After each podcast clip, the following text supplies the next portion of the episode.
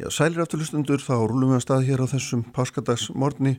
Uh, Ólafur Arnalds, uh, prófessor við Landbúnaháskólan er hér í lokþáttarfjöllum. Það var mold, hvorki meirinni minna. Mold er nú eitt það mikilvægsta sem til er í veldunni og hérna Ólafur lýsir því vel í, í uh, risavöksnu nýju verki, nýri bók sem hann er búin að, skrifa. Klökk Teatóstóttir verður hér líka á eftir fyrirverandi fórstjóri skiplastofnunar Uh, en fyrsti gestur minn í dag er hins vegar Stefan Ólarsson, professor sem er tilturlega nýbúin að senda frá sér mikla bók um, um uh, sem hann kalla baráttan um bjergirnar, stjórnmála og stjættabarata í mótun íslensk samfélags þetta er svona tilvæm til þess að meta síðustu hundra árin upp á nýtt og skoða áhrif emitt stjættabaratu stjórnmála á hana. Já, ég sætla að blessa Stefan og velkomin til mín innilega. Sæl, takk fyrir. Sko hérna það er svolítið síðan ég tók húsaður og ætlaði að fara að tala við um þessa nýju bókðina Barátunum Björginnar en þú var svo upptekinn í verklingsbarátunum það verðum að landa það býða eins já, já. en hérna nú er komið að því uh, þarna er þetta stórmerkilegt stórmerkilegt tilrönd til þess að svona líta yfir hundra ára sögu þess hvernig Íslands samfélag hefur þróast og hvernig við höfum skipt gæðum lífs og lands milli borgarana Já, en maður orða þetta svona í, í stórum dráttum og, og, hérna, og það sem er svona kannski, ég veit ekki, ágættu punktur að þú gengur út frá einhver sem þú kallar átakakenning Já. og þetta er svona einhver hugmyndum það að þetta, þessi framþrónu öll hún mótist í átökum á milli fólks en ekki, ekki í samstöðu Já, hún getur svo sem gert það í hvort tvekja en, en það sem er sérstætt við þessa bók er það að hún er með uh, sitt uh, öðruvísi sjónarhóðum heldur en kannski algengast er í, í sagfræði og, og í stjórnmálasögu, hagsögu mm. að hún beinir sjónum sérstaklega að hagsmunum og völdum og, og stjettum og átökum um um uh, áhrif á mótum þjóðfélagsins og átökum um skiptingu þjóðateknana og gæðana eins og þú segir. Þannig að, að það skapar svolítið aðra sín opnar svolítið annan glugga á, á sögu þróunina og, og þar með getur, getur maður séð sum atriði í framvendu þjóðfélagsins e, í svolítið nýju ljósi mm. og e, þetta er ekki mínu uppgötun þetta sjónarhótt, þetta á sér svona klassískar klassíska sögu í þjóðfélagsfræðum og félagsvísindum en eh, er kannski ekki algengast í, í, í svona eins og í meginströms hagfræði nei, nei. og, og, og, og sagfræði þannig að, að um, En hvers vegna hvað ræður því að þú ferð ferð þessa leið, já þetta er eins og segir, þetta er ekki algengast og þetta er svona sumpart ert að nota hugtök sem að maður svona þekkjur úr marsískum fræðum til dæmis?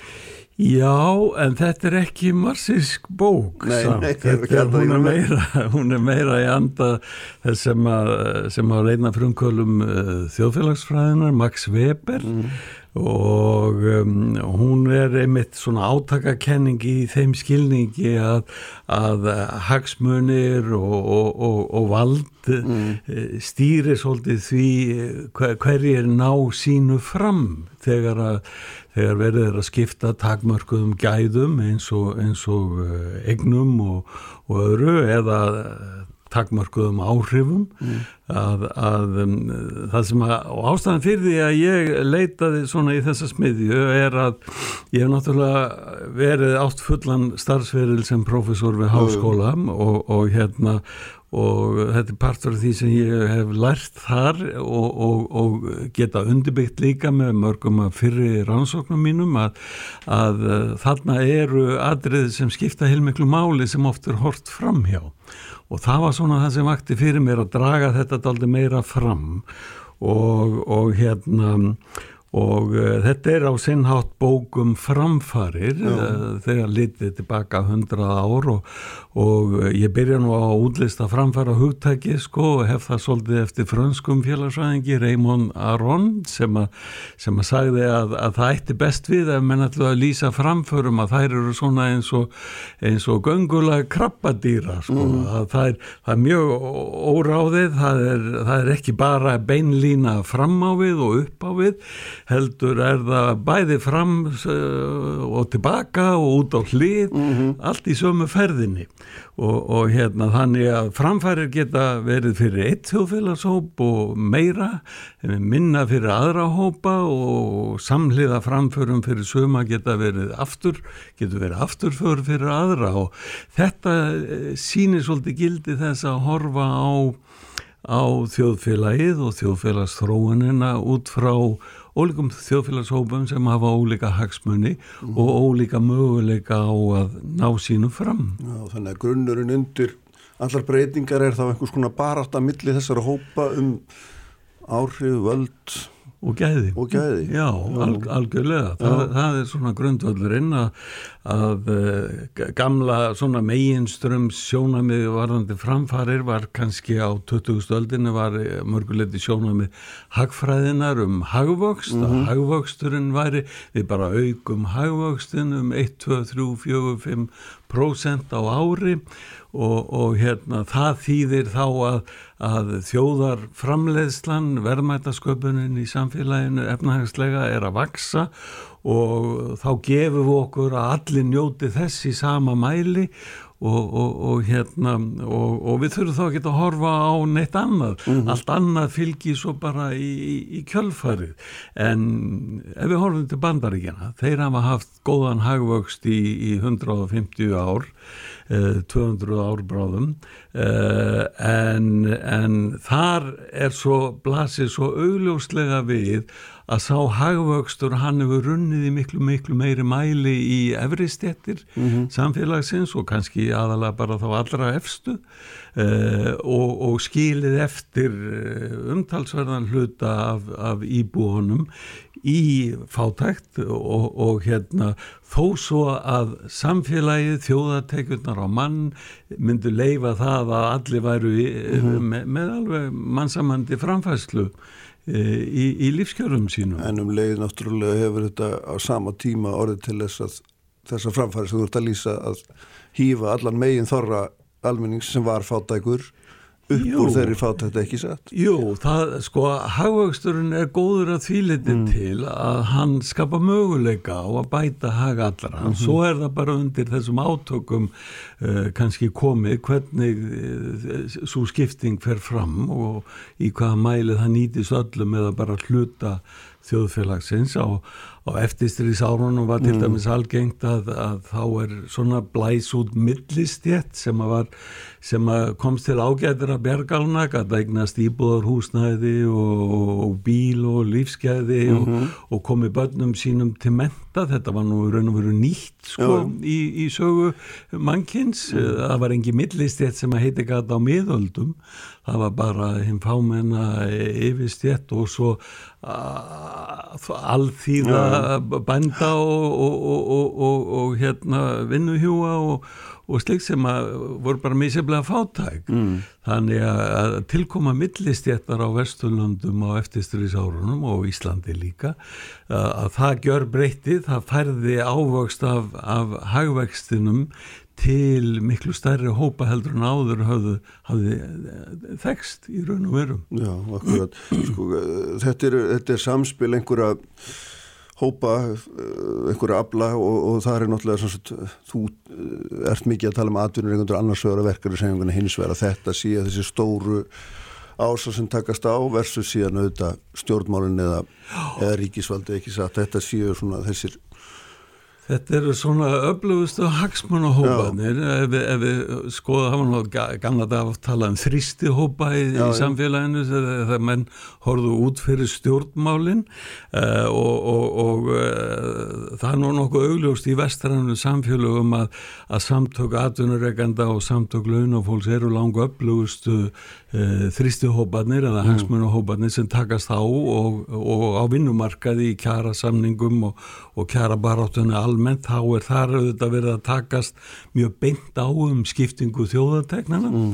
hver verði hlutur af, af verðmættasköpunum sem rennur til fjármagseiganda, fyrirtækja eiganda annars vegar og launafólks hins vegar og svo kannski þriðja vitin hvernig skiptist hún á milli ólíkra hópa launafólks mm -hmm.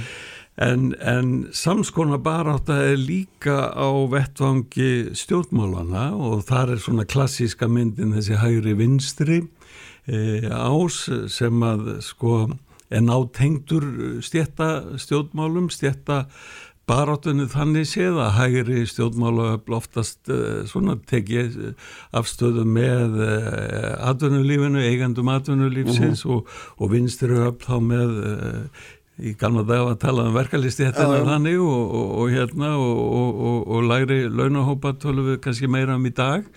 En, en það eru stóru, stóru öflin og þessi átökin á vinnumarkaðanum er einn ein hliðin mm. samskonar eða samsvarandi átök á vettvangi stjórnmálana felaðu þetta í sér að, að þar eru þessi eh, hægri og vinstri öfl eða, eða atvinnureikenda öfl og launþega öfl mm. að takast á líka í gegnum uh, stjórnmálin við mótun hagstjórnar stefnu uh, hagstjórn skiptir alltaf máli hvernig hún dreifir byrðunum mm. hvernig hún dreifir ávinningnum.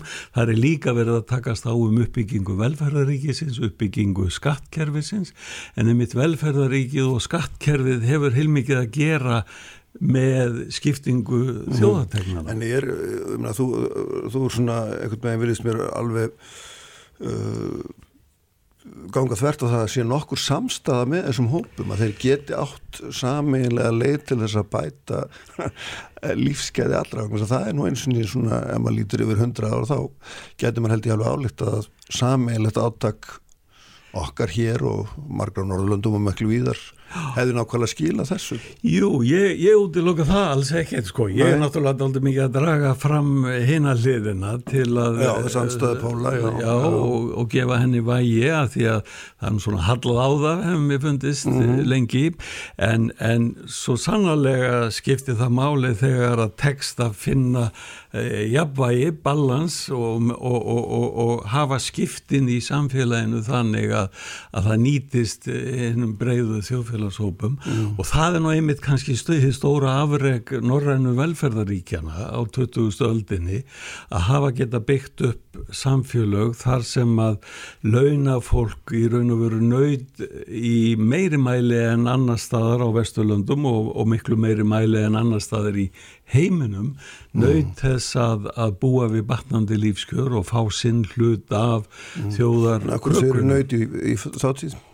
Já, því þetta hefur breyst mjög mikið. Já. Þetta hefur breyst mjög mikið eftir 1990 sérstaklega, mm -hmm. byrjaði að breytast eftir 1980 að, að, að þá fer að halla á velferðaríkin, það fer að halla á ráningakjörin á vinnumarkaði, það fer að halla á, á jöfnuðin, þannig að ójöfnuður fór að aukast.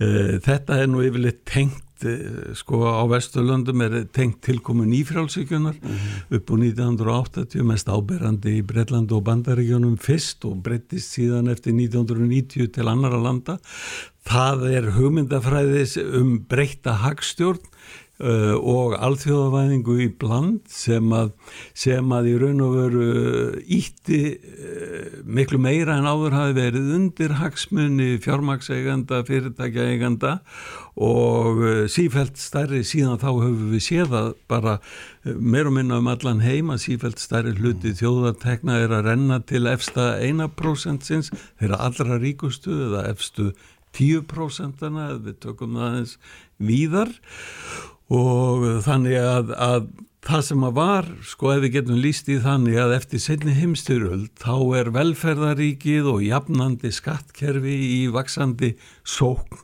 og, og, og framfarir eru að skila sér mjög ört til alls þóra mm. almennings og þannig var þetta líka á Íslandi og hérna og um, þetta var gríðarlega breyting uh, eins og ég nefndi áðan þetta tilkoma millistéttarinnar og, og sífælt aukinn kaupmáttur uh, en eftir 1990 þá hefur þetta þessi framgangur hann stöðvast mm -hmm. og mhm. sumstaðar alvöru afturför orðið fyrir sérstaklega suma þjóðfélagshópa samliða því að, að ofur ríkidæmi hefur orðið til í heiminum sem að það sem að e, ekki bara samnast upp gríðalögur auður heldur er sá auður líka notaður til að kaupa pólitíska áhrif eins og við sjáum langbest af öllum löndum í bandaríkjónum það sem að það er svona mjög gagsætt sko. en samstæðan þegar að næsta og það var kannski eins og ég segi stóra afreg norrænu samfélagana að búa til þessa samstöðu þar sem að launa fólk og sérstaklega læri launahópanir áttu sér góða málsvara í annars vegar sterkri verkefliðsegingu og hins vegar í sterkum uh, vinstri stjórnmálum. Jafnaða manna flokkarnir, það var aldrei sérstaða uh, frendþjóða okkar á hinn og Norðurlandum að þeir höfðu uh, kratarnir, jafnaða manna flokkarnir, verkamanna flokkarnir voru stærstu flokkarnir í þessum landum og oftast í ríkistjónum. Já, já, en við þekkjum líka dæmið þetta hérna, áður við gerum hlýja sko um, frá Þýskalandi, þar sem er náttúrulega þetta fræga hugtakinn félagslegi markasbúskapur, þar sem já, að hægri minn voru að megninu til við völd en enga síður jú, átti verkefliðsreifingin alltaf fulltrúi stjórnum stórfyrirtækja og þetta samband á milli já, hérna, já. var, var Samráð, samráðs samband ykkur og samstöðu samband ykkur Jú, jú, það var samráðs stjórnmál sem að voru praktiseruð þetta náði ekki að skila almenningi í Þískalandi eða læri hópunum sérstaklega, ekki eins eh, miklu og, og varð á Norðurlöndum og hérna en, en skiptir mjög miklu máli og, mm. og eitt af því sem er einmitt sko þjóðverðar áttu mörg uh, frumkvæði að uppbyggingu velferðaríkis og það er ofta einmitt skýrt annars vegar út frá því að, að það var gert uh, af Bismarck játkanslara þegar hann mm. var búin að samina Þísku smárikin í Þíska stórrikið að, að þá vildi hann sko tengja almenning verkalýðin við ríkisvaldið mm. og, og hans hugmynd var eitt almannatryggingar til að gera það og, og þó var hann nú hægri maður, íhalsmaður en hann var nú líka að hugsa um það að passa að, að, að sósélistaflokkurinn eða sóséldemokrataflokkurinn myndi ekki ná öllu fylgi verkalýsins þannig að það var svona klók stjórnmál í bland. Já. en svo var líka oft eh, kristilegu eh, hérna, flokkar já, já. sem voru hægri flokkarnir, þeir voru oft með kristilegu hugmyndafræði sem ástæðu til þess að byggja velferðaríki Já, við skulum gera hérna östu hlýjastefun og, og koma aftur eftir smástund og halda áfram þessu spjall okkar. Sælir afturlustundu góðir, uh, sitjum hér saman á Páskatarsmátni við Stefán Ólarsson professor, erum að ræða nýja bókans, Barátunum Bjarginnar sem er fjallar um stjórnmál og stjættabarátu í mótun íslensk samfélags og við höfum farið svona vítt og breytt yfir efni hennar uh, með yngsum krokalegum gerir nú ráð fyrir Stefán hérna, við vorum að ræða um norræna velferðkerfið og auðvitað það þekki allir þá sögað á Íslandi þróast þetta öðruvísi. Það eru auðvitað verkefliðslokkar í ekki, svona fyrstu 30 ár síðustu aldar eitthvað nála því, 30-40 mm. og svo kvarnast úr og verða, verða skil. Verða hérna verður vika mellir vina eins og sagt er. Já, og hérna ég sé að sem ég fórstum en jafnaðamann að telja að ástæðan hafi verið sovjetdýrkun hérna, þeirra sem voru allir vinstri við jafnaðamennskuna en þetta hefur auðvitað haft og ég sé að þú ert með, það er einn af þínum megin þráðum að þetta hafi skipt grílu máli fyrir svona einmitt þessa þróun íslensks samfélags, hvernig það er öðruvísi heldur en heldur en önnur. Já, þessi vinstri pólitík, vinstri líðræðislega mm. pólitík, hún var aldrei af sterk á Íslandi eins og hinn um Norðurlandunum og því leiti til eh, sjáum við bara eina beina afleðingu af því að Íslenska velferðaríki var alltaf eftirbátur hinn að Norrannu velferðaríkjana eh, þó að sko þegar að lögin um almannatryggingar, almannatryggingar eru sett 1946 að þá var markmið þeirra að þetta verðu almannatryggingar sem var eru jafngóðar og það besta sem þekktist í heiminum. Mm. og það var þá á hinnum Norðurlandunum og á Nýja Sjálandi reyndar. En, en og við svona 1950 ber tiltölulega lítið á milli Íslands og hinnar Norðurlandana í þessu. En þegar að hinnar Norrænu þjóðurna fara að þróa velferðaríkja áfram sem að gera frekar hratt eftir 1950 en hraðar eftir 1960 að þá er Ísland alltaf eftirbátur. Við draugumst meira og meira aftur úr og það eru beina, beinar afleðingar af þessari veikari stöðu vinstri stjórnmála á Íslandi en á hinbóin nöyt Ísland þess að hafa þó sterka verkefliðsrifingu á þessum árum sem að þegar orðið hafði reyndar orðið tiltölulega sterk á millistrís árunum mm. Og, og verkalisefingin gæti oft verið að það var nú oft verið að semja hér að, sérstaklega á verðbólgu árunum sko, ekki bara um kaupækanir heldur líka um það sem að kalla félagslega laun sem eru umbætur á velferðarkerfinu og, og, og hérna verkalisefingin gæti oft vísaði mitt í eh, fordæminn frá hinnum Norðurlandum að viljum við vera eftirbátar þeirra við þurfum að bæta okkur hér þeir eru mm. komin langt fram úr okkur, mm. þetta var alltaf gaglegt en þetta þetta tókst samt aldrei að, að, að fara með okkur alla leið, við vorum aldrei við vorum alltaf svona neðst í, í gæðamatti velferðaríkjana, útgjöldum til velferðamála og, og, og, og áhrifum þeirra. Mm. en hins vegar fekk Ísland til tulega mikið jöfnuð í tekjuskiptingu sem að kom fyrst og fremst úr kærasamningum vinnumarkaðarins Við sjáum þetta bara á því þegar við skoðum, berum saman ójöfnuð í dreifingu atvinnutekna höfum alveg fyrir utan myndina áhrif skatta og áhrif fjármakstekna mm, og, mm. og áhrif velferðarbótana, tökum það bara út fyrir og horfum bara á launin fyrir vinnu mm. að þá er Ísland með talsveit jafnari e, tekjuskiptingu á þessum atvinnutekjum heldur en hinn að norrönu þjóðunar þær ná sínum jöfnuðu meira fram með, með í gegnum velferðarkerfi og skattkerfi með endurdreyfingu þar. En, en svo endurdreyfing er miklu minni hér e, og, og, og hérna. Þannig að, að þessi sérstaða í, í dreifingu stjórnmála áhrifa að hún hefur, hefur haft þessi áhrif á, mm. á íslenska samfélagið og, og, og, og gert það verkum að við náðum aldrei eins góðu húsnæðisstuðningskerfi mm. og ekki eins góðu líferiskerfi og nýja heldur Þetta svona íslenska líferiskerfi sem er talið þess að sterkast í heim Já, mm. það er nú einn ein, hérna klísjan sem að þarf að leiður þetta mikið já. og er mikið fjallað manna í þessari bók í, í kabla 8 það er það er sífælt verið að En þú hafnar bara þeirri þeirri framsynning algjörlega Já, það er sko að stopni til er þetta kerfi uh, gott mm. hugsunum er, er svo að þú ert með út með þryggja þreppa kerfi eða þrýþætt kerfi sem er almannatryggingar í grunninn og svo söfnun og sjóðu á vinnumarkaði sem að komu til þegar að verkalisefingin 1969 kjara samningum mm. á þeim tíma var eh, meðal lífir, elli lífir hann var um 17% af meðal verkamannalunum alveg ótrúlega lágur oh. og, og, og þá er eins og oft hefur gæst með verkalisefinguna hún hún hleypur í skarði sem að ríkið hefur skilið eftir og ekki synd nógu vel og þá er það þessi hugsun að láta lífur í sjóðana stofna þá til þess að, að, að hækka lífur, elli, lífurstega og svo að líka mm. þess sem að mm -hmm. falla frá eða, eða missa vinnugetuna á starfsvellinum að, að hérna þetta var hugsunin að bæta við en en þegar við lesum sögu þróunar reynar eða sögu skerðingana frá mm. um 1970 og, og til nútímans að þá hefur þetta kerfi þróast þannig að, að eftir því sem að lífur í sjóðunar hafa skila meiru þá hefur almannatryggingakerfi verið látið skila minna mm og í raun og veru tekið þrjá fjórðu af ávinningi lífeyrissjóðana í að losa ríkið út úr lífeyrisgreifslum. Mm -hmm.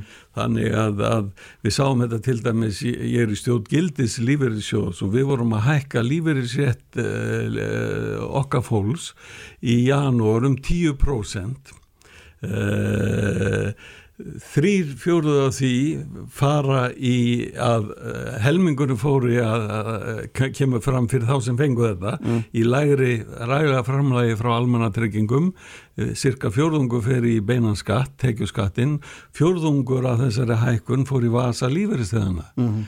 og þetta er dæmi um kerfi sem að komið algjörlega út af teinunum hvað snertir oh. ofnótkun þessara skerðinga, mm. ég er ekki á móti skerðingum eh, en, en, en eh, þetta gengir svo langt að, að, að sko að elli lífeyristegum er eiginlega ógerningur að bæta haksinn sem neinu nemur oh, En, en, en gallin vantarlega er þá ekki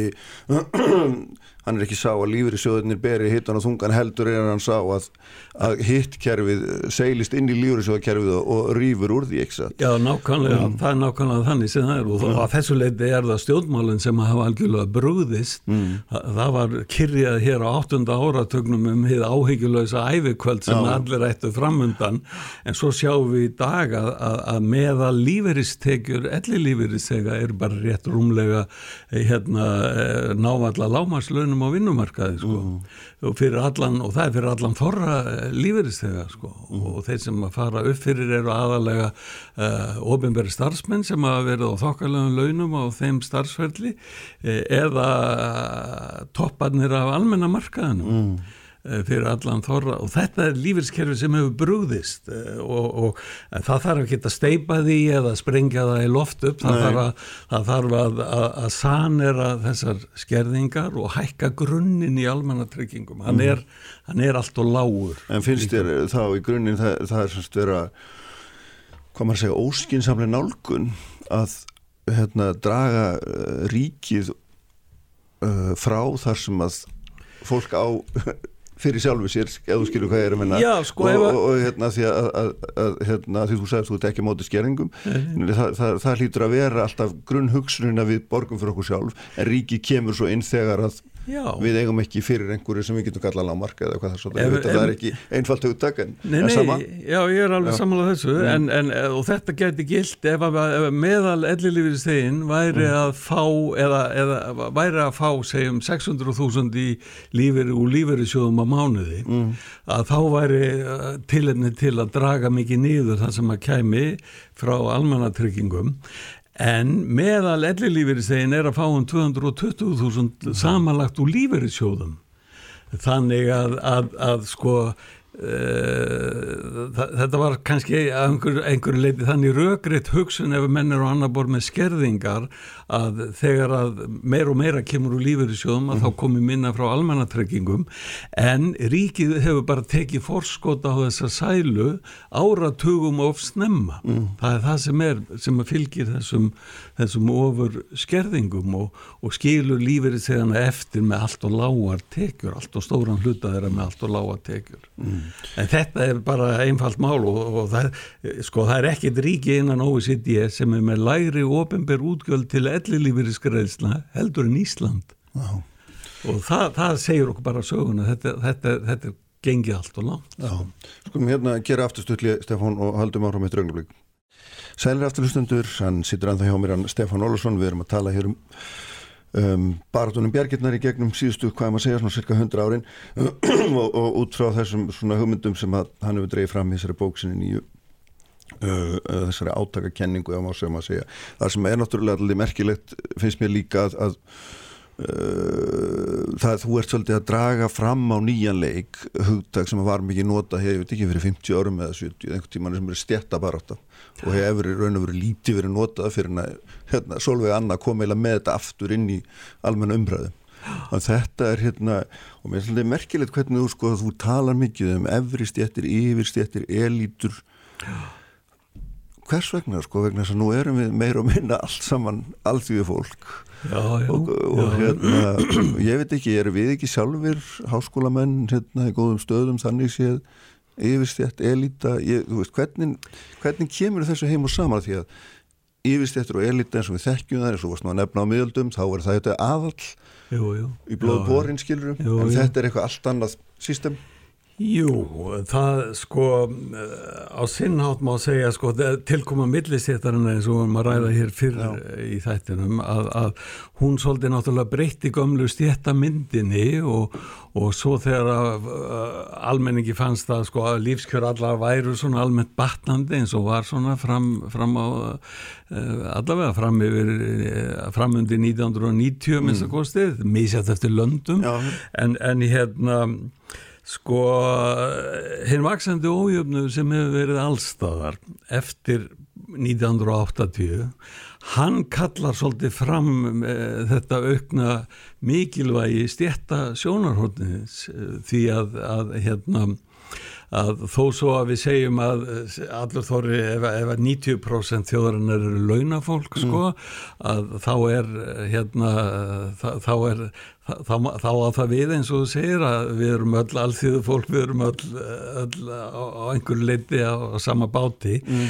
en það er samt sem áður mikil munur, það er heil mikil munur og getur verið á lífskjörum profesors og, og verkafólks sko, og að því leiti til er ég svona yfirstjætta maður mm. sem hafandi verið profesor uh, fullan starfsferil því leiti til. En profesorar eru svo sem ekkert með neitt rosalega háar tekjur nema þeir hafi mikla raugatekjur mm. en, en hérna En, e, þetta markast alltaf ekki bara af kjörum þetta markast þetta mörgu öðru líka jú, í hvaða stjett þú ert eða, eða stjettleysi eða hvernig það er sko. það er nefnilega merkilegt sko, eitt af því sem að menn horfðu gerðan á þegar var verið að tala um stjettir í gamla daga var félagstöfur reymanleiki mm. tækifæri þeirra sem að fæðast inn í lægri stjettir til að vinna sig upp og þetta var voðalega stór þáttur í, í, í, í glæsilegum árangri vestræðna þjóðfélaga á eftirstrís árunum en þegar að við förum að horfa á nær nútímanum eftir 1990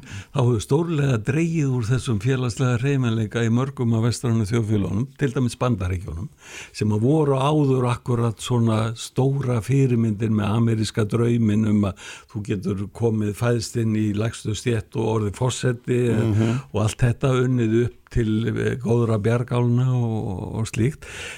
Í bandaríkjónum er þetta nánast sko bara, ég vil nú ekki segja horfið, en, en látið svo verulega á sjá að það eru helst Norðurlöndin í dag sem að hafa viðunandi svona félagslega reyfanleika mm.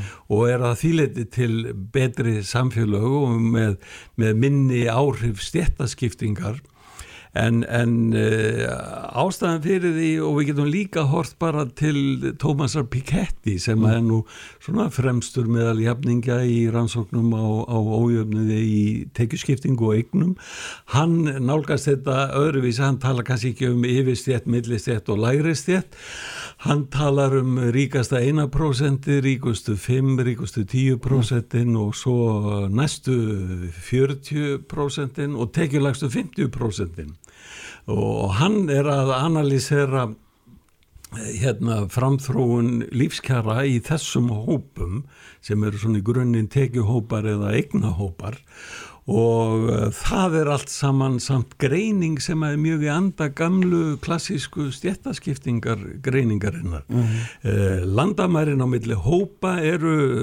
önnur Uh, og, og, og eru oft kannski meira fljótandi og skiptir þess að segja nú einhver staðar í bóki, það skiptir ekki öllum máli hvar við draugum landamæri á milli stjætta eða tekjuhópa mm. uh, við bara skoðum alla myndina mm -hmm. og, og hérna en, en þetta eru ástæður hinn aukni ójöfnuður lagari ráðningakjör á vinnumarkaði sem er, er heims fyrirbæri og eina af afliðingum alþjóðavæðingarinnar. Mm -hmm um, og veikara líðræði er líka partur af þessari stóru þróun sem að eh, kallar allt svolítið á það að til þess að balansera aftur af samfélaga nútímans, draga úr ójöfnunum og skila meiru af, af þjóðaframlistunni til almennings og sérstaklega lægri hópa, uh, launafólks að þá þarf þennan þrýsting neðanfrá uh -huh. uh, sem að er í gegnum verkalýsfélög eða í gegnum pólitík og uh, dramaði í nútíman með kannski líka það að verkalýsreyfing hefur víðast hvar á Vesturlandum -huh. og í heiminum orðið miklu miklu veikar á síðustu þreymur fjórum ára. Og tengst millir hennar og pólitíkur eru stærstum hlut á horfin hér. Já, miklu leiti á horfin og, og á jöllum falli miklu veikari þannig að, að staða læri hópana í samfélaginu og almenns bara launafólks hefur vestnað mm. uh, bjargir sem sagt þeirra efna meiri en Þú ert alltaf að tala um hlutfalslega Ég er alltaf að tala um það þannig já, já, já, já, það er mikið þannig og, og hérna Eh, ég held við mælum gæði þjóðfélagsins út frá því hvernig, eh, hvernig er afkoma þeirra vestsettu sko, mm -hmm. og, mm. og, og hérna í samanbyrðu við hína, samanbyrðu við miðjuna svo leiðis og, og hérna og um, það er hefur líka sínt í alls konar velferðaríkisrannsóknum mm. að, upplöðasti upplöðasta meðalið til þess að lifta samfélaginu upp í framförum þannig að alls konar félagsleg vandamál séu minni og leysist að, að það er yfirleitt að lifta þeim lægstu upp nær miðjunni, mm. það er ekki að fara alla leið, en bara að þú, þú nærða að lifta uh, lægsta, lægstu lögunum uh, svolítið hressilegu upp, þá dregur þú úr fátækt, þá dregur þú úr, hérna, þú bætir mentastöðu, dregur úr brottfalli úr skólum, þú bætir hilsufar þú bætir, þú bætir tækifæri, eh, samfélagi verður allt miklu þjálla og mm. mígra og eh, samstöð, grundvöldu fyrir samstöðu sem þú nefndir á þann, hann verður miklu betri mm. þegar þú, þegar þú hérna, þegar þú tekur, þetta er svona eins og í, sko, í byggingavinnu sko, að leggja gólfa þú verður að slýpa það sæmilega svona slettaka stæstu örðurnar mm. niður og svona stæstu, stæstu og fyll í stæstu gödin sko. Er þetta hérna stjættabarta framtíðanar, hún, hún myndi líta út eins og þú ert að lýsa núna? Sko ég held að sko stjættabarta fór úr tísku. Já, er aldrei lýs Sko gamla verkamannasambandi það sem að dagsbrúmar í fórustu í Íslensku verkefliðsefingunni Það, það var mikið afli í verkefliðsefingunni svo þegar að stjættabartan kominu tísku þá breytti verkamannasambandi um nafn og heiti núna starfsgreinasamband. Það mm. veit enginn hvað það þýðir. Hérna, en, en, en og svo kom kvennapólitíkin og núna kynneigðarpólitík og ímyndapólitík. Mm. Eh, Mér finnst það svo á þér að, að þegar maður er að lesa þú til þetta allt saman hafi grafið undan klassískri klassískri baróttu fyrir, fyrir legslaunað fólkin já, bara Svo það hefur fókusinn frá því já, já, það hefur tekið fókusinn eh, og það hefur bara verið allt í góðu lægi ef það hefur verið búið að laga allt hitt mm. sem að gamla stéttabaráttan átti eftir að laga mm. að þessu leiti held ég að heimurinn allur er að fara í átta gömlu stéttabaráttuna aftur mm.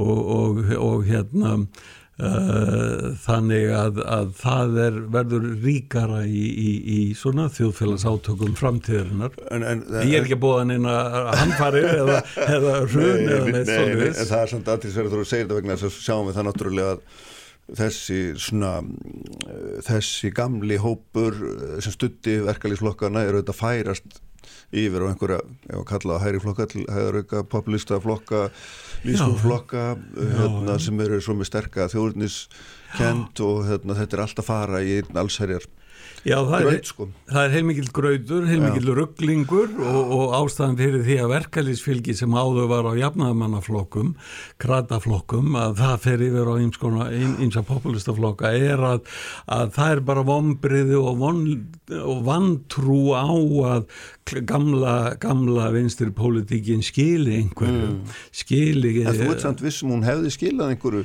í betra velfærakerði, þú lístir í aðan að það væri grundvöldurinn fyrir því að velferðarkæði hefði þróskast almennilega, það hefði verið betri vilsipolítik. Við erum allstaðar að horfa á, mm. á afturför velferðaríka ja. að því að ídeológia nýfjálfsíkjörnum segir að ríki má ekki gera neitt, allt sem ríki ja. ger mm. er slæmt og það má helst ekki gerast í samfélaginu öðru við segna einhverju engaðilar græði á því sko, eh, hvað sem það er þjónusta eða, eða, eða velferðartengd mál að, að hérna, já, ég held að, að hérna, það hefði skila miklu betur þetta er árangur, sagan er ótvíræð mm. að, að upp, tilkoma velferðaríkjan á 2000-öldinu og uppbygging þeirra meðan gullöld velferðaríkisinn stóð framundir svona 1990 að það var að skila gríðalegum árangur, það var ekkit annað að mm. skila öðrum eins árangur, annar eins byltingu í lífskjörum alls þóra almennings þannig að ég er full að trúa því að, að það myndi gera það En hver gerir þetta núna, hérna, þetta er óhendalega langt í okkur en það er einn spurningi viðbúð ég meina að því að vinstri pólitíkin er gufuð upp og tengsli millir verkefælisegningar og hennar eru horfin og hérna það þarf að endur þessu velferðarkerfi og ég skilir rétt. Meina hver á þá að gera það? Já sko einlega væri að reyna að endurvegja þetta mótel tengsli vinstri stjórnmála við verkefælisegingu og aktivera það á farsalan máta. Það er líka grundallar aðrið að verkefælisegingin standi sem mest saman sem held ef hún getur mm, það. mm -hmm það skiptir miklu máli. Þar, eru, eru nögrar á líka vissulega, ég er talsmaður þess að Já. það sé og, en, en sko eh, skamtíma populísk politík, hún hefur aldrei í söðunni sínt sig að skila neinu sérstökuð fyrir, sem að hefur skipt máli fyrir þjóðfélagi hilsinni þannig ég bind enga voni við slíkt. Ég bind ekki voni við Elon Musk að einhver, einhver auðmenn í Ameríku muni koma hér og bjarga heiminum með einhverjum fiffum. Ég bind enga voni við það eh, þó ég sé, hafi ekkert við þá aðtöða það sem þeir gera. En, en hérna ég held að einhvers konar pólitísk samstafa á, á vettvangi stjórnmála og vinnumarkaðar sé, sé það sem þarf til að að, að gera þjóðfélagi gott. Ljómund Stefán, bestu þakki fyrir að koma. Takkar þér. Sælir afturlustundur, Stefán Ólarsson, uh, professor farin frá mér eftir uh, ykkurismikla umræðu um þessa nýju bókans, baráttunum um bjargirnar í landinu, hvernig lífskeiðanum er skipt uh, og allt það. Uh, litum þar yfir síðustu svona hundra ári sögum lands og þjóðar en, en nú er sest hjá mér Hlökk Teadurstóttir, Ástís Hlökk Teadurstóttir uh, sem er fyrirvandi fórstjóri skipilastofnunar og við ætlum að fara aðeins hérna yfir skipilasmál Já, ég sælum blessuð, Ástís Hlökk eða Hlökk eins og þú vilt helst láta kalla það, ekki sett? Velkomin til mín. Takk.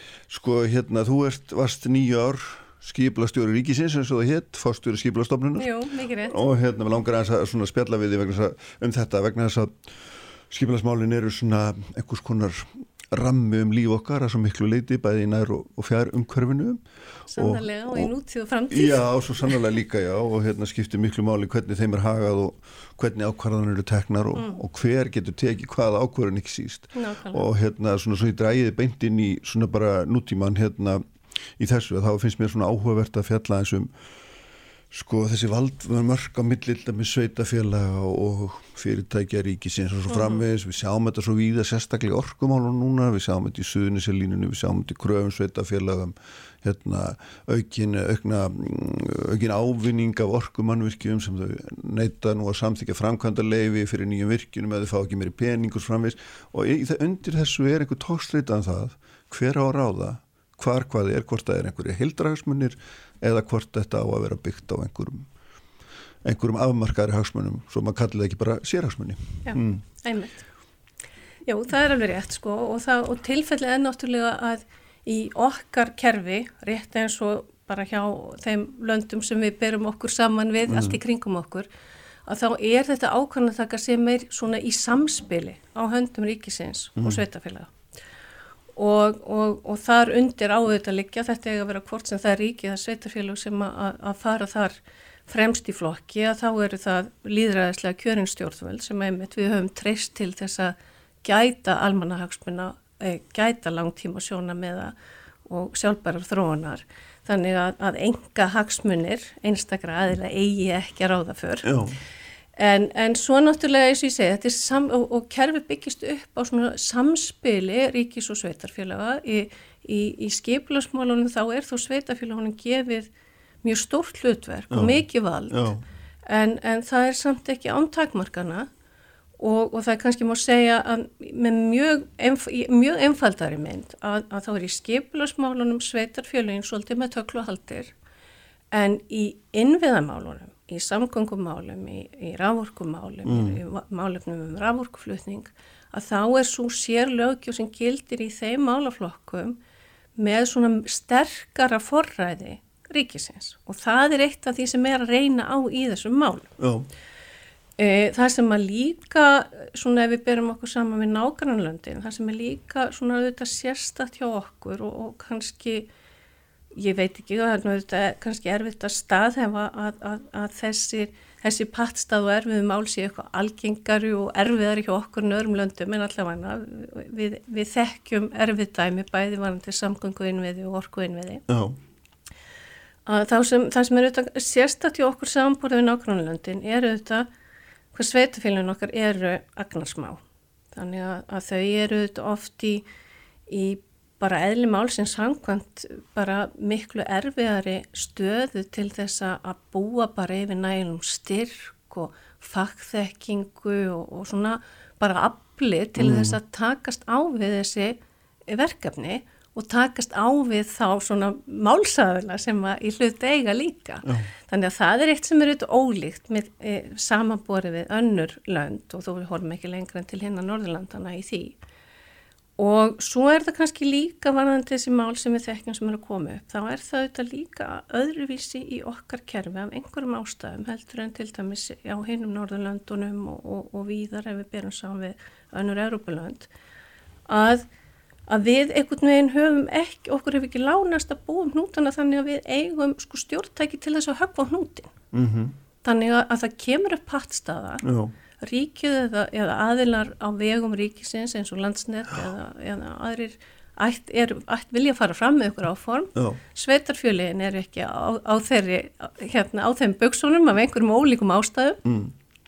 og þá bara sitja málinn först og, og, og, og í nágrannlöndunum er held ég allstar til staðar einhvers konar leið fyrir ríki til þess að taka mál til sín, taka þau yfir eða eitthvað slíkt. Og það höfum við ekki sett inn í okkar lögjum með sambarlum hætti og það er líka eitt af því sem gerir verkum að við sjáum þessar pattstöðu sem staðar mm. til margra, margra ára já, já. og svo kannski spila bara líka inn í það svo sem kannski hérna erfitt að staðhafa það en ég held að mig alveg velta því upp hvort að þarna spila bara líka inn í að við eigum, við erum, erum svona okkar kultúri svolítið svona að vaða áfram mm -hmm. og bara fá okkar fram ef við höfum bara styrk til og við eigum ekki kannski sterka hefði í skiplasmálum og einvið uppbyggingu í bara að, að vinna í samtali og, og sáttameilun og, og, og svona með þeim svona mm -hmm. þess áttur framgangi og ég held að það spilir líka röll í þessu. Já, já, þetta sé, þetta er eitthvað svona, þetta er menningabundi fyrirbreiði. Já, ég held það. Já, já, já, akkurat. En, en svona, þú veist, maður sé líka dæmi sem svo þá voru hugmyndir á þingi um það að taka Reykjavíkflúðul út úr, eða undan skiplega svo aldrei Reykjavíkuborg og það, þess, það er eitt svona, eitt ángja þessum Já. átökum þegar að verða að vegast á um hvað á að vera hvar og... Jú, einmitt og það er kannski líka einmitt ángja af þessu sem ég er að mm. svona að leggja hér til í umræðina að svona þessari svona valda tókstreitu menningu sko mm. og, og hérna og í staðin fyrir þá að hugsa hva, hvernig er eitthvað í almennt í í umkjörðun okkar um, um, um stefnumótun í skiplasmálum og innviðuppbyggingu sem við þurfum að hugsa eitthvað aðeins öðruvísi. Frekarna að fara fram með eitthvað stakt frumvarp um eitthvað eitt, eitt, eitt flugvöld eða eina veglækningu eða eina raflínulagningu eða hvað það er. Já, en hérna því þú nú komin út úr skiplastofnunni sjálfri Já. og farin upp í háskóla, ég menna hvernig leysa menn máli svo suðunisalínu sem ég held að hafi sér sko 17 ára gamalt deilumál og, og ég, saman hnút og hefur bara Já. verið í eiginlega allan tíman. Sko. Akkurat, já það eru þetta eitthvað sem kannski er, er ofverkið að ætla sér að, að leysa í einu svar í, í, í, í hérna morgun útdarpinu en, en, hérna, en eins og ég segi það liggur þetta í hérna að, að á þessum langa tíma til dæmis verða náttúrulega bara talsur á tæknibreitingar. Og, og þannig að þessi deila um sko er hægt að leggja rallinu sem jarstreng mm. að forsendur fyrir þeim valkostir að breytast á svo langa tíma. Mm. Síðan reynir þarna líka á kannski óburðug uh, skiplaseguvöld sem að reynast ekki taka ákvarðanir uh, með réttum hætti þannig að málum er snúið við já, já. Í, fyrir domstólum Uh, og þarna reynir þetta líka á bara að, að eru, þetta eru stórir hagsmunir og það eru hópar fólks tilbúinu til þess að, að fara fyrir málstanáttúruvendar og, og landslagsvendar mm. uh, þarna eru þetta enga hagsmunir líka að sjálfsögða eins og alltaf mm. þannig að, að þarna eru þetta svo fjöldamart undir en, en, en bara svo við berum saman um þetta nágrunlöndin að þá erum við með sko E, þar til dæmis e, stefnu setta fram á ríkisvaldinu mm. um, um þjóðarslega mikilvæga einviði. E, við erum líka með dæmum það í sumum löndum að, að ríki getur tekið yfir skipulagslutark sveitafélaga varðandi einstakar ákvarðanir. En, en hér hefur sko verið litið á það sem svona, það hefur verið nefnt heilagt vald sveitarfélagi skipulagsmálum þannig að það hefur verið sko mjög svona hérna mikil femni við að viðra slí, slíka, slíkar hugmyndir já, já, hér í, í lagasetningu sko. Það er náttúrulega ekki freklegt yngripp að hálfa ríkisins Já, já en þetta er þetta verða aldrei ákvarðinir sem er engungu teknar ríkinu eða engungu teknar sveitafélagunum þetta er alltaf, þarf að vera samspil sko. Já, akkurat. Og, og þetta hugtak svona þjóðarhagsmyndir það því er svolítið ítt til hlýðar Já, það eru þetta tegjanlegt í allar áttir en við mm. eigum það í sjálfisir, það er líka eitthvað sem við eigum kannski ekki neitt skýrt sett niður í okkar stefnumótun og, og lögjöf og, og við eigum enga sérstaka mekanisma til að takast á við þá ennviði mm. uh, en, en svo held ég líka eins og ég segi, ég held að þetta að, að, að svona öngstræti svona mála uh, kvíli svolítið á stjórnmála menningunni og, og einhvern veginn svona frekju kalla já, já, já, það er það sem þakka ég fyrir. Ég ætla að kannski sleppa ég að segja það en, en það er það já, það er það.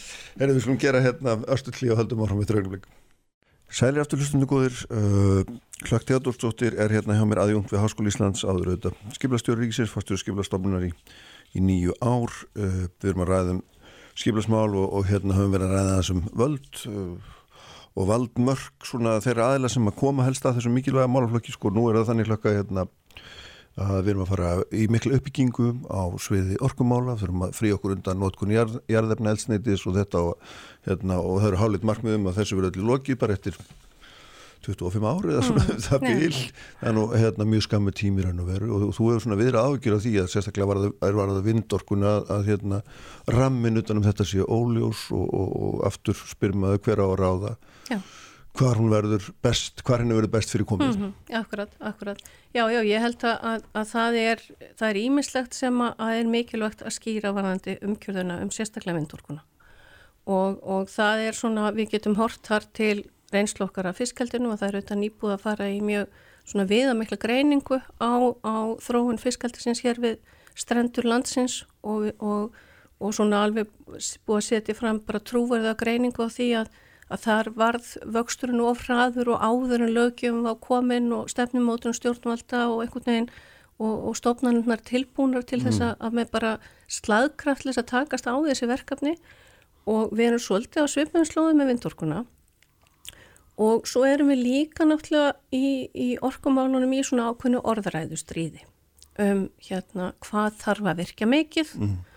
Uh, og, og hversu rætt og, og ég held að við gerum okkur vonandi öll grein fyrir því að, að orkuskipti eru nöðsynleg og, og þau þurfa að gerast rætt vegna uh, okkar skuldbindinga Já. og bara vegna línunar uh, andrumslofts en, en sko en það er bara það er svo mörgu sem er ósvarað einhvað síður. Mm -hmm. og það eru þetta fyrir það fyrsta þá er bara land takmörgu öðlind og þó að landið okkar sé stort og við séum til dælu að fá sem í því búum þá, þá, er, þá er ekki óendanleir virkjunarkostir og það er alltaf þú, þú nýtir ekki sama landið til náttúruvendur og virkjunar. Þannig að, að, að hérna og náttúruvendinu er auðvitað gríðarlega þar berum við ríkar skildur og, og hún er auðvitað líka leikil þáttur tengtur okkar e, stóru atvinnugrein ferðarþjónustunni þannig að það er svo margt sem þarf að vega saman mm og, og þess vegna sko hef ég saknað þess að það sé lagðar skýrari línur um það hvað, hvað nákvæmlega orkuskipti til okkar innanlandstarfa hvað í rauninni kalla þau á miklu orku. Mm -hmm. Að menn eru svona svolítið í orðræðu stríði um hvað eru þetta margar, mörg gigavött sem það þarf og, og menn tala út á söður og stjórnveld hafa einhvern veginn finnst mér ekki komin og svona afgjörnandi fram og, og lagt línuna um það við hvað erum við að miða og við hvað þurfum við að miða mm -hmm. og síðan náttúrulega er það spurningin um hvernig tryggjum við að orkan sem er framleitt farið til þeirra nota, farið til orkuskiptana og farið til samfélagsleira nota mm -hmm. og það er í sjálfsveit ekkit í okkar mekanisma í dag það ég veit sem getur tryggt það og, og það sem við erum að horfa núna er að, að, að, að ólíkt því sem var áður þegar að landsvirkjun var stóri aðilinn á, á, orkuframlislu markaði hér á landi og var í, í eigu okkar allra að þá erum við núna að horfa á landslega þar sem að í rauninni hver sem er getur virkjað. Oh. og, og þá er náttúrulega, þú veist, enga hagsmunni farnir að ráða því hvað og hvernig staðið að virkjunaframkvæmdum eða, eða sóst eftir að virkja.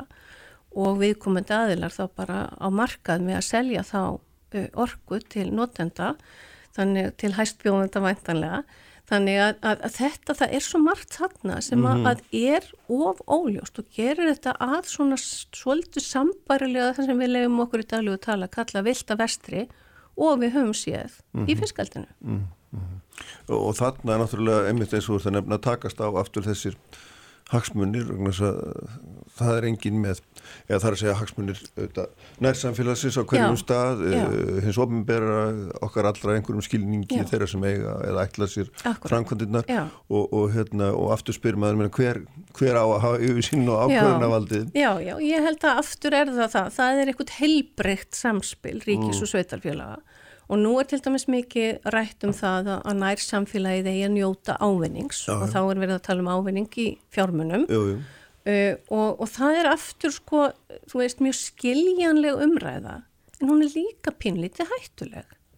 Vegna þess að sko hvað, hvað kostar framkvæmdarlega fyrir virkun, hvað erum við tilbúin að heimila virkun fyrir hvaða, hvaða fjárhæð erum við tilbúin til þess að fórna þessu landi? Mm -hmm. skilur það, þetta, er, þetta er ekki alveg einlýtt og einfalt og við vitum það alveg sko að, að svona hinn almenni kvati e, sérstaklega sveitarfélaga í, og sveitarstjórna í svona jaðarbyggðum og, svona það sem umsumum veru minni mm. að hinn almenni kvati þeirra yfirleitt bara til þess að heimala framkvæmdir það er útsvar og, og fastegnarskattur. Já. Þannig að auðvitað eru fjárhæslegi kvatar til þess að, að fyrir sveitarstjórni til þess að heimur uppbyggingu þó að þær hafi jafnframt lögbundna skildu til þess að gæta eh, almannahagsmuna, sjálfbæra þróuna, langtíma sjónamið og allt það. Mhm. Þannig að, að, að það er svona, já, ég held að sé svona aðeins svona, þurfum að stíga varlega til jarðar í þessar orðræðu um, um ávinningnar samfélagsins, sko. Já, og einmitt, þannig að hérna og, og svo er þetta náttúrulega atvinna hagsmunir auðvitað í Sannarlega. mörgum Já, bæði já. skamtíma og, Já, og já, já. langtíma og eins og varst nú að nefna áðan að hérna að síðan eru er, er við að er við að fástu það að, að sveitafélagin í þessu tilviki eru þetta mjög lítil og, og þurfa nöðsynlega innspýting að halda ekki satt? Og hérna, erfitt að standa gegn þessum stóru Já, já, og ég meina og aðstuðu munur getur náttúrulega verið bara mjög mikill, sko, Mm. að, að við erum að tala um, sko, ákvarðanatöku, jafnvel hvort sveldur hún er, jafnvel hjá, hérna, aðlum hér hjá ríkisins eða í talunum ekki um fámennra sveitafélaga og, og á móti bara alþjóðafyrirtækjum sem að, búi yfir gríðalegri þekkingu og afli og fjármagnir til þess að undibúa sína uh, hérna, undirbúa sín áform og, og, og svona fara fram með sín, hérna, sínar óskir. Já, já, nákvæmlega. Sko þarna uh, hinn hliðin af þessum peningi sem langaði að nefna við þið eru þetta þessi krafa framkvæmda alveg um að leifsveitingar og hugmyndir fái miklu hraðari framgang heldur en núna eru menn kvarta mikið, þú er heyrt að líka Já, já. fórstjóra landsvirkjuna, landsnett Já, já. og margir aðrir, þetta gengur allt og hægt, það er Já. alltaf verið að tefja okkur og, hérna, og með þess að segja menn, ég meina það er fólkin í stopnunum sem að bókstarlega vinnur gegn því að þessi mál fái eitthvað framgang. Já, ég ætla nú ekki að tjá mig um þau umæli Nei. en, hérna, en nei sko auðvitað er þarna aftur spurningin tekuru, tekuru sko hérna almennu það, það sem gerist almennt eða tekuru svona þessi, að, þessi einstöku verkefni sem eru svona það sem, er, sem ég lefum að sletta Já. sem að, og auðvitað eru einstök mál sem að hafa tekið alveg svakalega langan tíma mm. og, og, og það, það liggur eitthvað í eðli þess tiltekna verkefnis sem gerir að verkum að þau taka svona langan tíma. En, en heilt yfir að þá hef ég, minnist ég þess ekki hafa séð neina greiningu trúar þau á því að, að, að undibúningur og ákvarðantaka sé hér í einhverjum allt örum tímafarfi heldur en gerust og gengur í, í löndunum í kringum okkur. Eh, En auðvitað sko er mikilvægt að stefnumótun og ákvarðanataka stjórnvalda um, um landnýtingu og uppbyggingu sé sem skilvirkust. Hún á að vera og við eigum ekki að kröfum það en hún þarf líka að vera í grunduð og líðræðisleg og hún mun alltaf taka tíma. Já. Það verður alltaf óþólunum að því gagvart henni. Ég, alveg, ég held alveg sama hvað það er. Sko. Mm -hmm, Og svo er þetta hérna, sem bætist við sem er þess að kæru, kæru sem ýmsir Já. aðlar geta Já, lagt já. fram og nánast hægt að tegja. Já, í aftur er, það, sko. aftur er það hinn líðræðislegi réttur okkar Já. að meiga áfrýja e, ákvarðunum sem Mm. að, að við erum ekki sáttu og, og teljum að standist ekki lög. en, en það á ekki geta gerst í hið óendanlega, þá er þetta að koma niðurstöð úr þeim kærumálum af eða á. En eh, svona, það er ekki þín tilfinning að við séum að hérna, draga lappinnar um ofi? Nei, ekki, ekki almennt, sko. Nei. en eins og ég sagði á þann að þá held ég samt að bæði bara í menningunni og í úrraðunum mm. í, í lögjöfinni að þá, þá eigum við að geta gert betur vissulega. En, en, en svona almennt, veist, leifisvendingaferðli og, og þetta sem það er bara líkt og svipað og, og gengur að gerist á landunum í kringum okkur. Já, akkurat. Og gengur korki betur niður? Nei, ekki það ég fæ séð, sko. Nei, akkurat. Herru, við hefum eftir eitt lítinn kabla hlökk sem ætla, við ætlum að gera okkur hérna matur eftir ögnumleik. Sælir eftir hlustundur, ég er að ræða við hana hlökk teatóstóttur, við erum að ræða skiplasmálinn, eh, svona frá ymsum hérna hlýðum, eh, sko kjánulegt kannski en örstuðt í lokin förum aðeins nær okkur hérna, því þú hefur ekki bara fengist við hugmyndur um landnýtingu í, í hennum dræðubyggðum heldur auðvitað líka heil mikið um nærum hverfuð okkar. Mm. og hérna finnst áhugavert eh, mér finnst áhugavert sko Andri Snær Magnússon Rítuöndur skrifaði grein sem að hérna hver er hugmyndin? Þar sem hann er að reyna að velta fyrir sig hver er hugmyndin á bakvið skiplaði mm. okkar nálast umhverfi. Já. Og þú svaraðir því hérna, tókstu að það er að svara því og við langar að leggja þessa spurningu fyrir það því að þetta er þetta svona það sem við erum alltaf að við kjósum um þetta á fjórar og hvernig við viljum að umhverju okkar sé og, og hérna hvort að vera stutt eða landa millir húsa mm -hmm. og Já. hvort við hefum að búið útkvarfum eða í miðbæjum og hvort að vera stutt að lappa eða, eða hvort við hefum bara verið í bíl kannski er það aðláttækaflöturinn í nútímanum Bílinn, hann, er, doldi, hann mm. er það svolítið mikið. Eh, sko það sem að, að, að má segja sé svolítið stutta svari við þessu um mm. spurninguna, því þetta er nefnilega leikil spurning. Mm. Hver er hugmynd?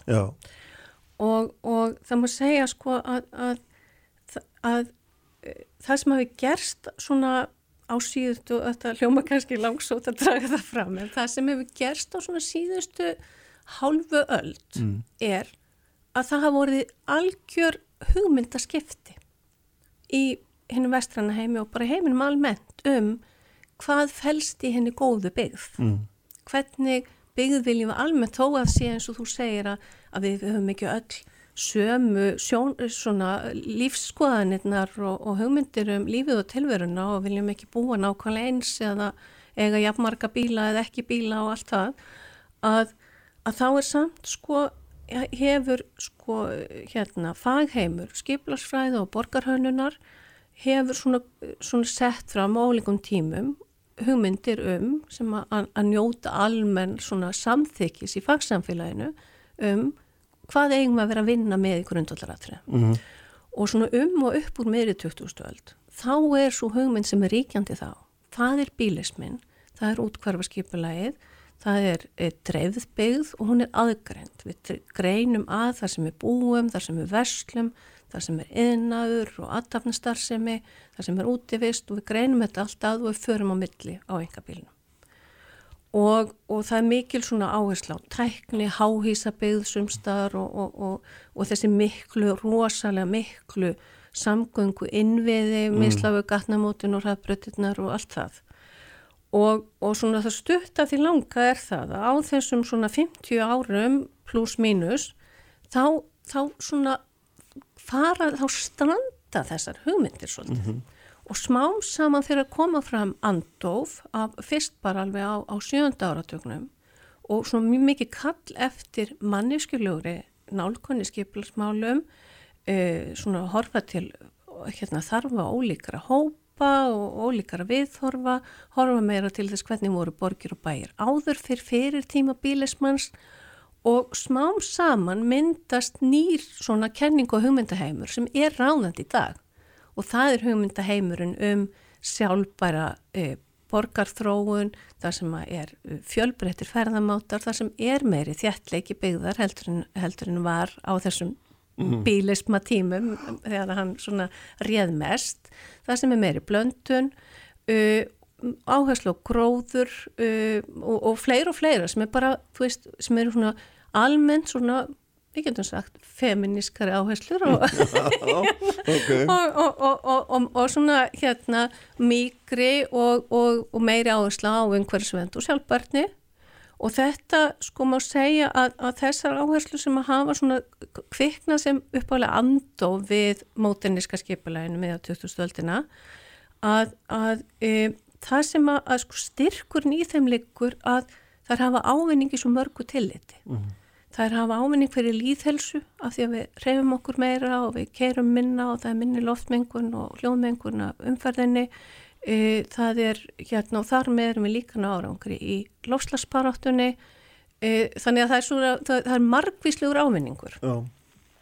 þannig að það er hugmyndin mm. í dag er hugmyndin um sjálfbæri borgina sem er svona sem sett fram með ýmsum hætti, hún er stundum sett fram í þessari umræðu um 15 mínutna borgina já, já. eða 20 mínutna hverfið eða já, eitthvað slíkt, það sem er hugmyndin um sko þorpið í borginni í rauninni sem er, er er, er sagt, sem hverfið eða borgar eða bæjar hlutin er svona einhverju leiti sjálfum um sér nógur -huh. og þú getur þú er valum það að geta farið margra þinn á daglugu ferðagangandi eða hjólandi og þurf ekki að fara mm. í bílangaleiðir Alla nöðsynarlinnar eru í mm. veru í selingafjalla eða einhverjum skilningi Já. en svo, svo hérna ferð út úr þessari rósuröðu hugmyndafræði og ferð aðeins í útkverjum og þá sérðu tómi bílastæðin og, og hús með já. miklu millibili og, já, og þessar hugmyndir einhvern veginn svona ekki að virka með neinum hætti sko. Nei, nei, og það er alveg rétt og það má segja sko að, að ennþá erum mm. við þannig þetta, að, að svona hugmyndabreitingar það, sko, kerfið er svo segfljótandi það er svo mikið á fólki sem að þjálfaði sig í gömlu hugmyndafræðinni og kann bara hana mm -hmm og, og það er umhverfið sem þekkjum af því að borgarvæðing er svo sent hér á Íslandi að þá er eiginlega allt borgarumhverfið sem við þekkjum sem Íslandst er bílaborgin. Já. Við eigum bara örf á hverfi sem eru eldri sem við höfum þá eitthvað referens í þetta er Íslandst bæjarumhverfi uh mhm. -huh. sögulega. Þannig að, að hérna að, að þess vegna sko gerast svona breytingar, það gerast svo hægt þannig að á, á sko öllum, alla mína starfsæfi sem er að verða nokkuð laung er ég búin að vera að bóða þessar, sko, þessar nálgun sem nýjung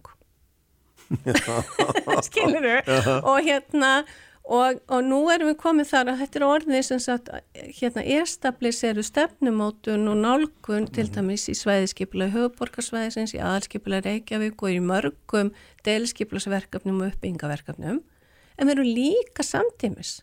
Látum við eins og ekkert séu og byggjum bara ódýr útkverfi með hérna, já, dreifðri byggð, einsleitri, mjög bílháð, já, þannig að við erum að gera hvortvekki senn. Aftur, hérna, að því við tölum með völdi upphæfi, sko, þá, hérna, völdu áhrif, minna, þá er þetta líka daldi góð spurning um það hver ræður er raun og veru, sko, endanum, er það hagsmunir þeirra sem að framlega húsnaðið og byggja það, eða eru það einhverjir einhverjir aðrir. Jú, jú, en það eru alltaf bara samspil líka mm. þá mhm. hversu framsýn og framsýnt og flott fólk höfum við í sveitastjórn og hverjum stað. Mm. Hversu ábyrga og, og framsýna uppbyggingaraðila höfum við. Hversu gaggrína borgara höfum við sem eru læsir á gæði byggðar og láta sem málið skipta mm. og velja bara með byttunni. Þannig að þetta er, þetta er samspil af þessu öllu. Mm.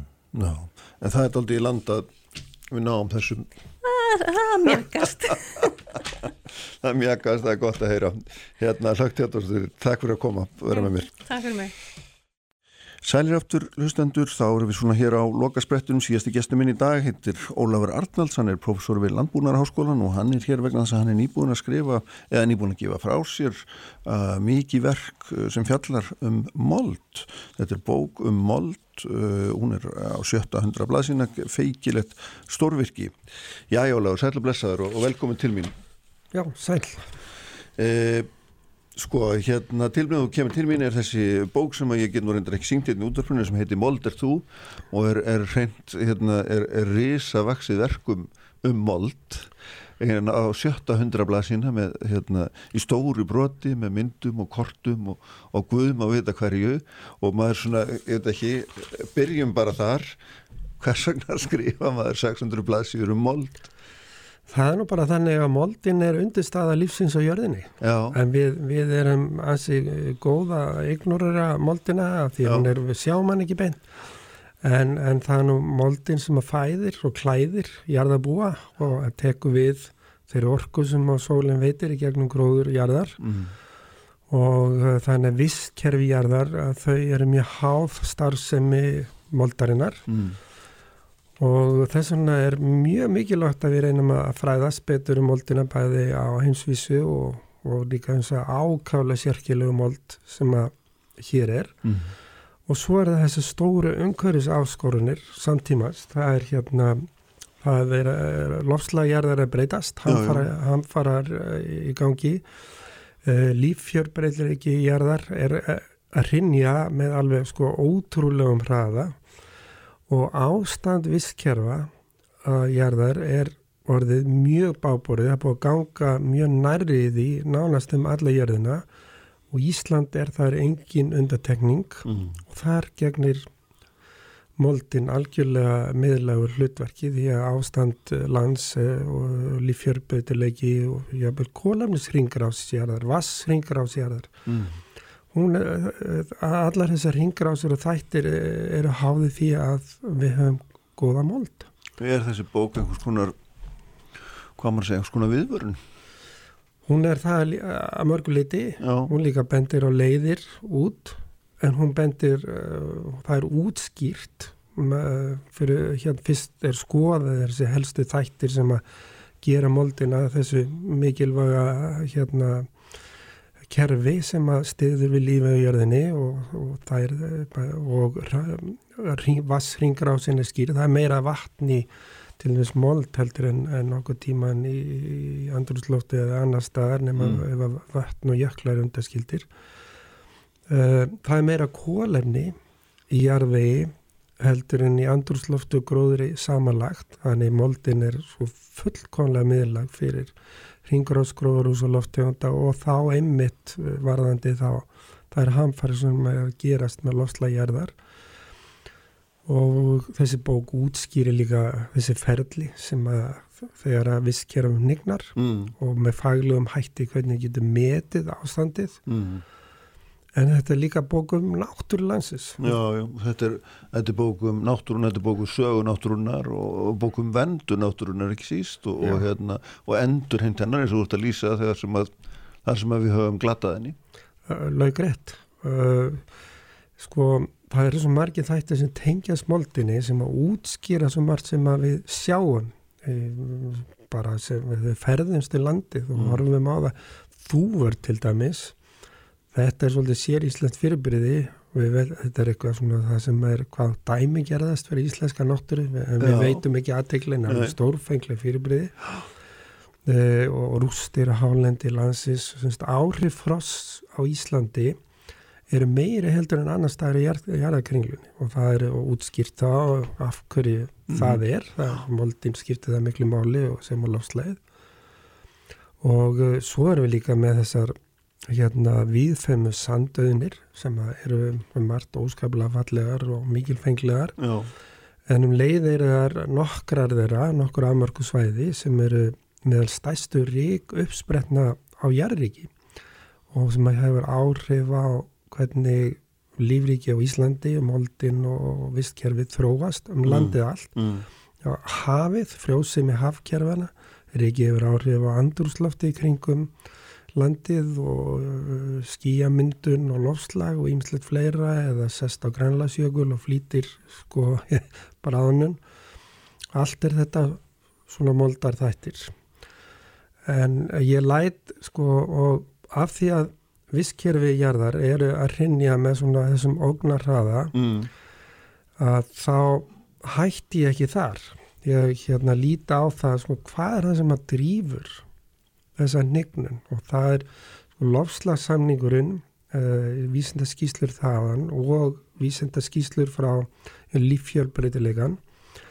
Uh, það er benda í auknum mæli auðvitað allt ámoldina og mikilvægi þess að venda moldina og gömulvistkerfi sem að fengi að vera í friði mm.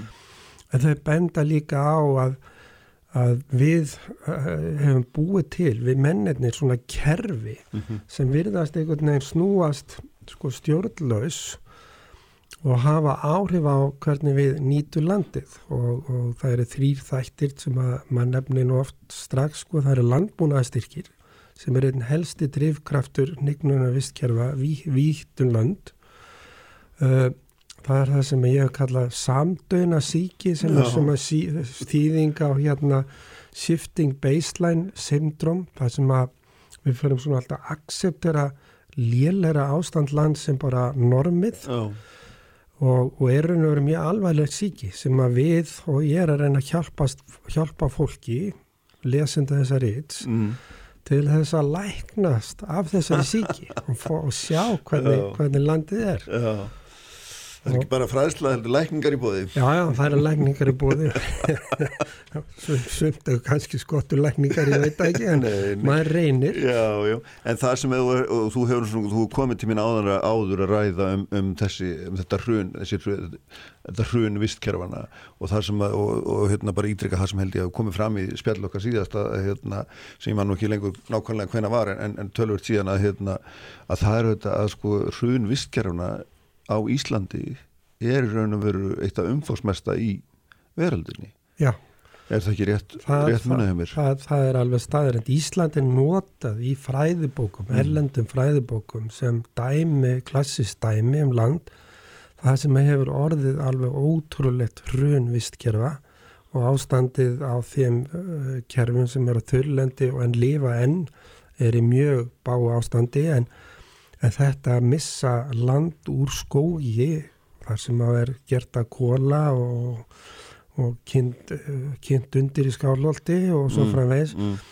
og, sko, og bara í reyna eðmörk þetta er sko það að standa á róabörði á, þeim slóðum eins og biskustúna hafur þetta útskýra þetta raun það sem er tveggja metra þykkur í arðvegur er bara farin af og tögum og hundruðum ferrkilometra og ekkit eftir möðnin mm. það, það er bara mjög einkynlegt að, að, að það að taka inn það sem hefur gerst fyrir þetta fólk og, og vantalega alla sem maður fara að hugsa um það það er bara erfitt mm. því þetta er á svo stórfenglu og skala og ástæðin hér er að hluta til að við erum með jarðveg sem er afskafla viðkvæmur fyrir raski og, og, og þegar að byrkiskóurinn deyr og síðan koma kannski kuldatímabil eða slæmt árferð eða gjóskufall eða eitthvað og við höldum áfram að nýta landið að fullu en það þurft að framfleita fólki að þá byrjar snjóbolti sem að fer á stað og það verður viskirðsfrun á mjög stórum svæðum. Mm, þannig þetta er, þetta, þetta er að hluta bara náttúrulegt viskirðsfrun að þetta, þetta er ágangur náttúrunar á sjálfa sig að einhverju markir? Já, nefn sko það eina sem er breyst er landnýtingin náttúrun er mjög á Íslandi eins og víða annar staðar er mjög, mjög hérna viðkvæm og það er þess vegna sem áhrifin verða svona mikil mm -hmm. ef að byrkiskórin hefur lifað áfram á þessum svæðu með hinnu og síðan komi gjóskufalli yfir þá, þá gerðist ekki neitt en þegar skóunum var farin og kannski mjög mikið beitt land og mikið breytt og komið að lægra ástandsstig eða visskerfistig að þá urðu áföllin sem urðu vegna gjóskugósa eða eitthvað annars kulda mm. sko, miklu miklu meiri, þau mögnuðst upp og þessi fræði sko þróast að hluta til mjög mikið í bandaríkjónu sem hafa mjög mikið af þessum uh, mjög viðkvæmi visskerfum vegna þess að það eru þurft og heitt og allavega að þetta er svona að gera vistkerfin að svona jæðar vistkerfum en þeir tekja líka söguna og það sem gerðist var til dæmis við tökum sem dæmu gert í, í bókinni frá Arizona þar var þess að gullfallegu gresjur mm -hmm. í eðmerkinni oh. og fanga voru þá bara fluttar eh, hérna miljónir reyndar sko, nöttgripa alveg óskaplega fjöldi og framleiða fyrir stórborginnar kjötið. Svo kom þurkur nákvæmlega svo gjóskufall ég er eða eitthvað annað. Mm. og það varð stórfenglegt visskerfisfrun í Nýju Mexiko og Arizona út um, út um allt það völdum þess að þurka það voru ekki sem voru svo göta þessi, þessi visskerf voru aðlöguð af þessum þurkum mm. það, það, var, það var nýtingin sem var búin að breyta Þannig að það var eins og einhver náttúrsagnarítanu skrifaði það var alltaf nánast að stikla á milli hræjana beljónum sko út í mm. náttúrunni þegar, þegar allt var hunnið. Mm. Já, sko hérna eitt af, þú segir það engstar í bókinni, eitt af sko stærstu verkefnum samtíma sér að endurheimta þessi svæði, Já. ekki satt og, og hérna og eitthvað hefur nú miðað í, í þá veru, þú byrstur nú ymsa myndir af því hvernig, já, hvernig tekist hefur að græða upp land á, á ný og það er ekki bara það er ekki bara því fegurðarveiki, það skiptir náttúrulega miklu máli líka í, í lofslagsmálum því að hérna, þetta bindur og þetta kólefni. Sko, losun frá nefnum visskjörum á Íslandi mm. annars vegar frá fremræstum vótlendum eru kannski 8 uh, eh, miljónir tonna eða 10 miljónir tonna eða jæfnvel meira frá, ef, ef allt er talið ári sem er tvefald meira heldur en allt hitt sem við erum að reyna að díla við vegna mm -hmm. brenslu og, og, og olju og, og jarðarlega landi losar tvefald meira heldur, já, já. heldur en maðurinn þannig við eigum sko virkilega verk að vinna og það er hægt að endurheimta mjög mikið af þessum svæðum en það, það er að gefa í tíma uh, og við erum svolítið mikið í því sko að tala já það eru hundra ásplöntur hér og miljón plöntur þar og allt mm, það sko mm -hmm. en við, við gleymum því að náttúrun er sko miklu öflugri ef við kunnum að vinna með henn og ég tek í bókinni Þórsmörg sem dæmi, skeiðar og sand líka uh, þar var farið í að loka landinu svolítið og það voru svona sjálfbæðilið samtökur öðukur og sinna og svo landgræslanskóðin mm. og ímsir sem unnu saman mm -hmm. en nú er að vaksa að það eru alveg stórfenglu og skóur án mikill yngripa og það er ekki bara að tala um miljónir plantna sem, að, sem ofta er, sko, við erum að tala um miljardaplantna vantarlega sko uh -huh. og það er náttúrun sem er að keira þetta áfram uh mhm. -huh. og þetta getur við gert uh, mjög víða Já. meðal annars sko á þeim þjóðulendum En fórsöndan er þá einhvers konar fríðun landsins og það sé, það sé ekki vinir að nýta með einu hætti Já og oft þarf að binda yfirborðið með mm. yngripum með landgræslu, með ábyrði og grassi mm. sem að svo deyr sko en það myndast á skán og sem að síðan er hægt að sá í blöndum og, og hérna byrki og svo bara fer það að breyðast út og þetta er hægt á, á, á, á þúsundum ferrkilometra á mm. Íslandi. En hvað segir við fólk sem segir að hérna, uh, hlutar á Íslandi sem eru svona sandar og öðnir þetta sé bara náttúrulega ástand og ekki vera að hopla við þessu, svona er bara landið okkar og þetta er ósnertin viðerni og hvað þetta heitir allt saman uh, Ég segja þessu, það er fullkóðanlega rétt fyrir sér á mörgu leiti sko.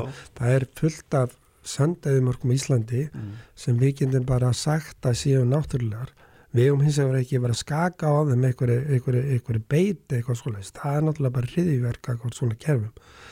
En, en fullt af þessum söndum, tákum dinginsand og afram norður þar úr og vatnajökli og, og víðar Þetta eru stórfengli kerfi sem að ætta friða bara og ætta fá og eru í raun og veru með UNESCO status um að þeim. Mm. En svo eru önnur svæði sem eru auðinir og það eru oftar melar heldur en þessi sandar sko sem eru mannanaverk og oft bara ekki svo langt síðan að gerðist. Árhundrið er ekki, það er mjög stöttu tími sjálfur sér. Mm og þar er þetta bara þvæla. Þar eigum við að, að, að hérna lífa landinu við beit og síðan að huga því hvernig við getum komið náttúrulega um gróðri og framvindu inn í landið. Mm. og ég líti ekki á þetta sem, sko, sem skórækt eða svoleis sem að mörguleiti eru oft sko viðarframleysla og annað og kannski mörguleiti fyrir eitthvað landbúnaður. Við ættum auðvitað að vera sjálf um okkur nóg að framlega við og ekkert alls ekki amast við því. Mm.